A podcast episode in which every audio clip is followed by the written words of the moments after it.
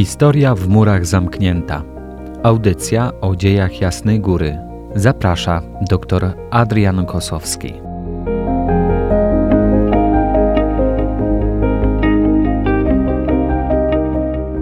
Szczęść Boże.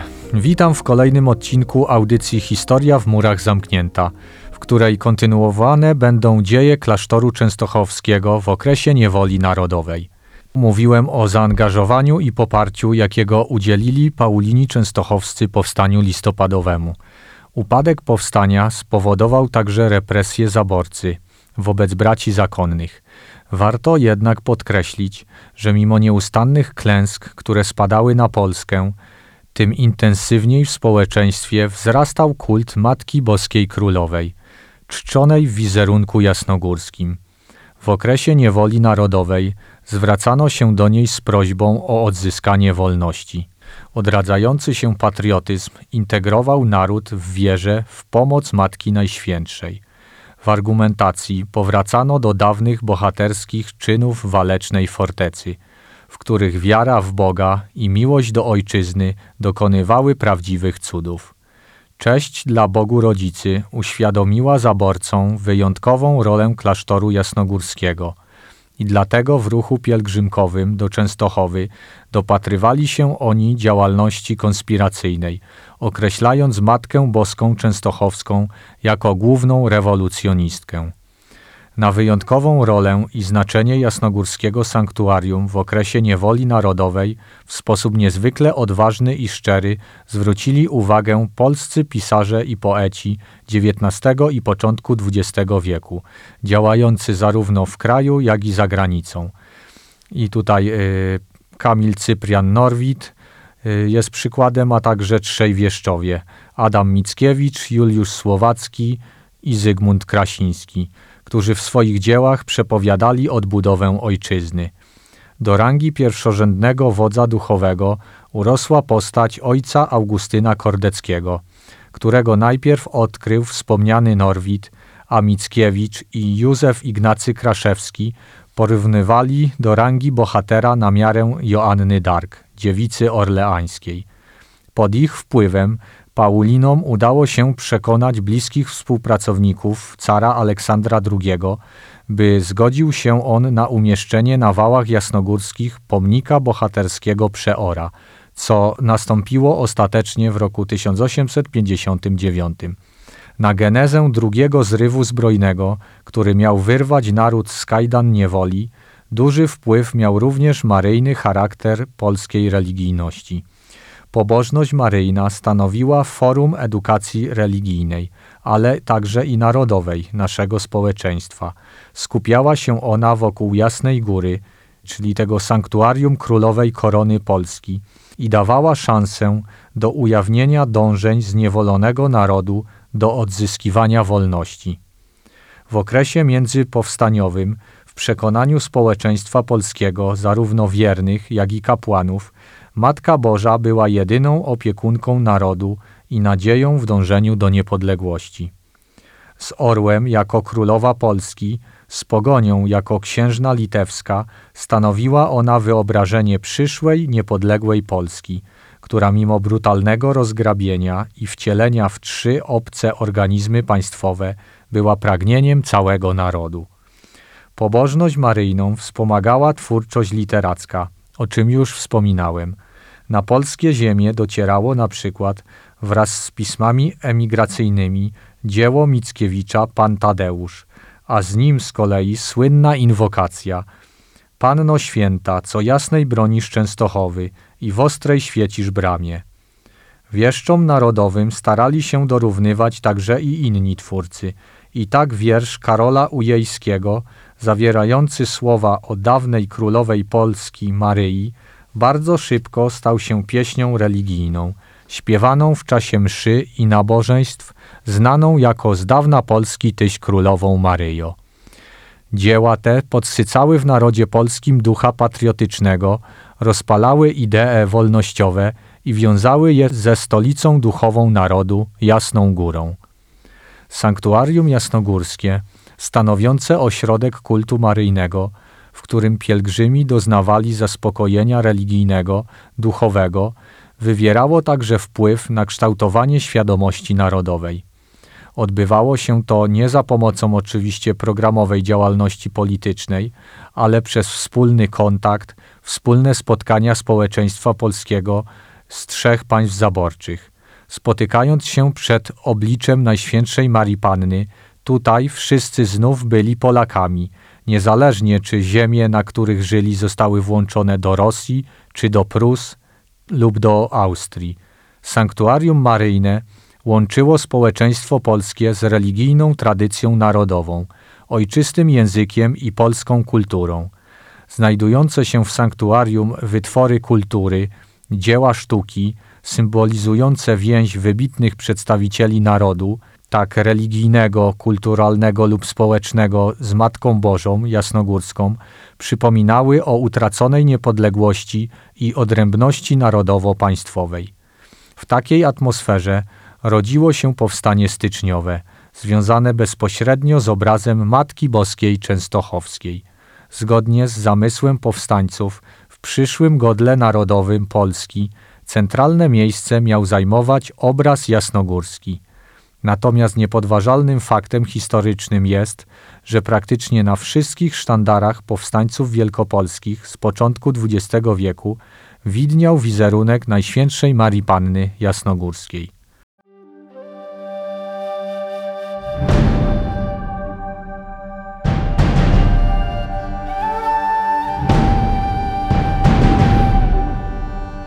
Udział Paulinów Jasnogórskich w. Tak rewolucji moralnej w latach 1861-1862, który wyrażał się w organizowaniu patriotycznych nabożeństw, a także y, wznoszono często w sanktuarium błaganie od głodu, od ognia i od niewoli carskiej, wybaw na spanie, musiały znacząco wpływać na wzrost nastrojów antyzaborczych w Królestwie Polskim.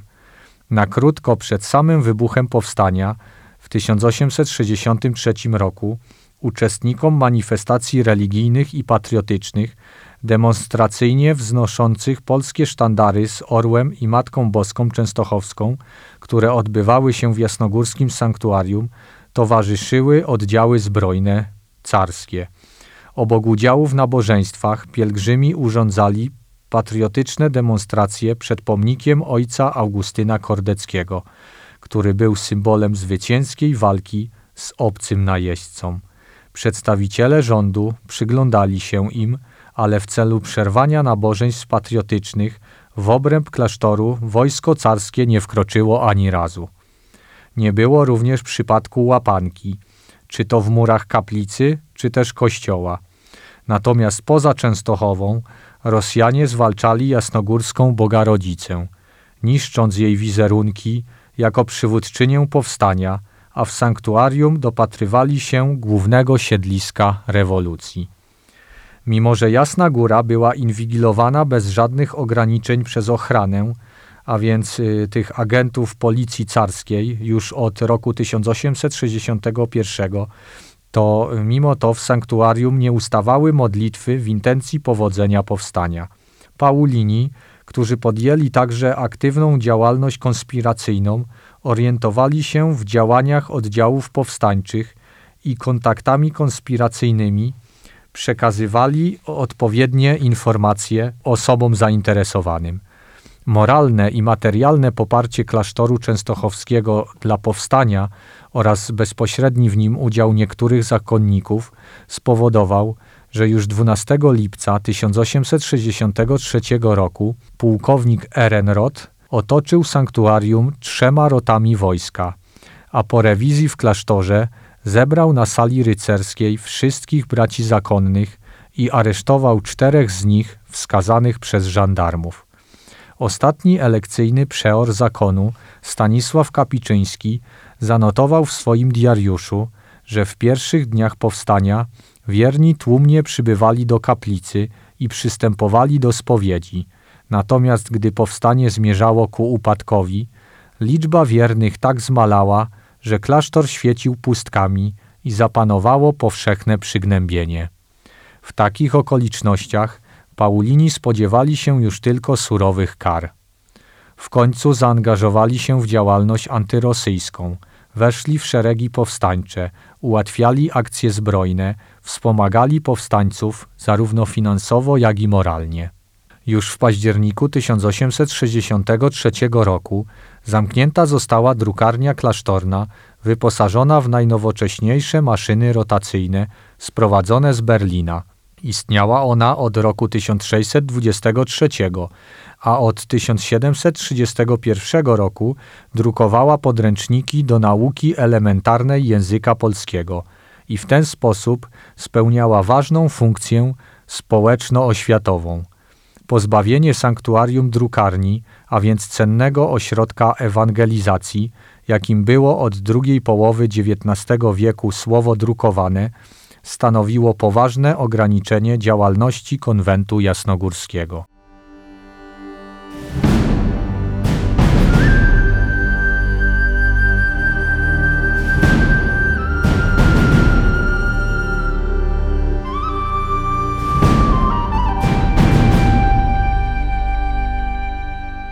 W końcu października 1863 roku pułkownik Ehrenroth wprowadził w obręb jasnogórskiego sanktuarium rotę pułku witebskiego. Okupacja dawnej twierdzy maryjnej miała uniemożliwić współpracę braci zakonnych z powstańcami, a także utrudnić spotkania powstańczych dowódców wojskowych na terenie sanktuarium.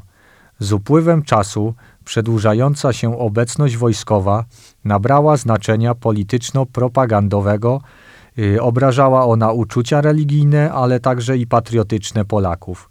Dodatkowym czynnikiem, który miała przynieść yy, zbrojna okupacja świętego miejsca Polaków, było pogłębienie moralnego załamania narodu, tak aby utrwalić yy, takie przeświadczenie o rezygnacji z walki o niepodległość, która jest skazana na porażkę.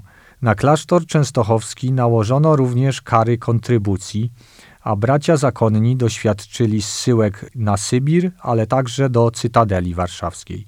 W roku 1864 car Aleksander II wydał ukaz, który likwidował wszystkie klasztory na terenie Królestwa Polskiego, z wyjątkiem kilku tak zwanych etatowych, do których zaliczono klasztor jasnogórski. Jasna Góra pozostała jedynym klasztorem zakonu świętego Pawła I pustelnika na terenie królestwa. Pozostałe zostały zlikwidowane. Konwent jasnogórski, jako jedyny w królestwie, mógł liczyć 24 zakonników. Pozostałe klasztory mogły składać się maksymalnie z 14 zakonników. Kasata pozostałych zakonów paulińskich pozbawiła także klasztor jasnogórski hierarchii zakonnej, w tym wizytatora generalnego, prowincjała i przeora. Na czele konwentu jasnogórskiego stanął prepozyt mianowany przez biskupa. Zaostrzono także rygor biskupi nad działalnością sanktuarium. Zamknięto studia klasztorne.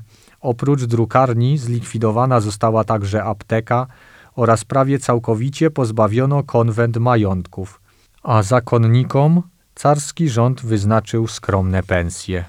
Nad życiem i działalnością sanktuarium okresu postyczniowego czuwali nieustannie carscy żandarmi. Do represjonowania zakonu rząd posłużył się wiernymi poddanymi, spośród których na miano wyjątkowo okrutnego dręczyciela jasnogórskiego sanktuarium i jego suwerenności zasłużył sobie ksiądz Józef Rzewuski, który był wizytatorem klasztorów. To właśnie w czasie jego urzędowania rozpoczął się najbardziej ponury okres w dziejach Jasnej Góry, który charakteryzował się rewizjami, aresztowaniami, kontrybucjami, zakazami i poleceniami – w tych trudnych warunkach panujących w sanktuarium odbyły się obchody 500. rocznicy sprowadzenia obrazu Matki Bożej na Jasną Górę w roku 1882. Z tej okazji Stanisław Załęski wydał broszurę, w której napisał, że tłumy idące do sanktuarium czynią wszystko, aby Częstochowa stała się miejscem świętym całej Polski, a Łukaszowy obraz Matki Bożej – stróżem aniołem narodu. Również y, uroczysty przebieg z udziałem dużej liczby wiernych miało w dniu 15 sierpnia 1906 roku poświęcenie odbudowanej po pożarze nowej pięknej wieży jasnogórskiej. Kasata klasztorów sprawiła, że konwent jasnogórski znalazł się w ciężkim położeniu. Surowe obostrzenia zepchnęły go w stadium wegetacji, mającej zakończyć się zupełnym wymarciem. Dopiero odzyskanie niepodległości państwowej umożliwiło ponowne zorganizowanie klasztoru, przywrócenie już takich w miarę normalnych warunków funkcjonowania, a także usprawnienie działalności sanktuarium. Wraz z procesem odradzania się niepodległego państwa polskiego rozpoczął się również proces odradzania jego duchowej stolicy, Jasnej Góry. Tematem kolejnego odcinka audycji Historia w murach zamknięta będzie ponowna koronacja jasnogórskiego obrazu w roku 1910, na który zapraszam serdecznie już dzisiaj. Szczęść Boże! Historia w murach zamknięta. Audycja o dziejach Jasnej Góry. Zaprasza dr Adrian Kosowski.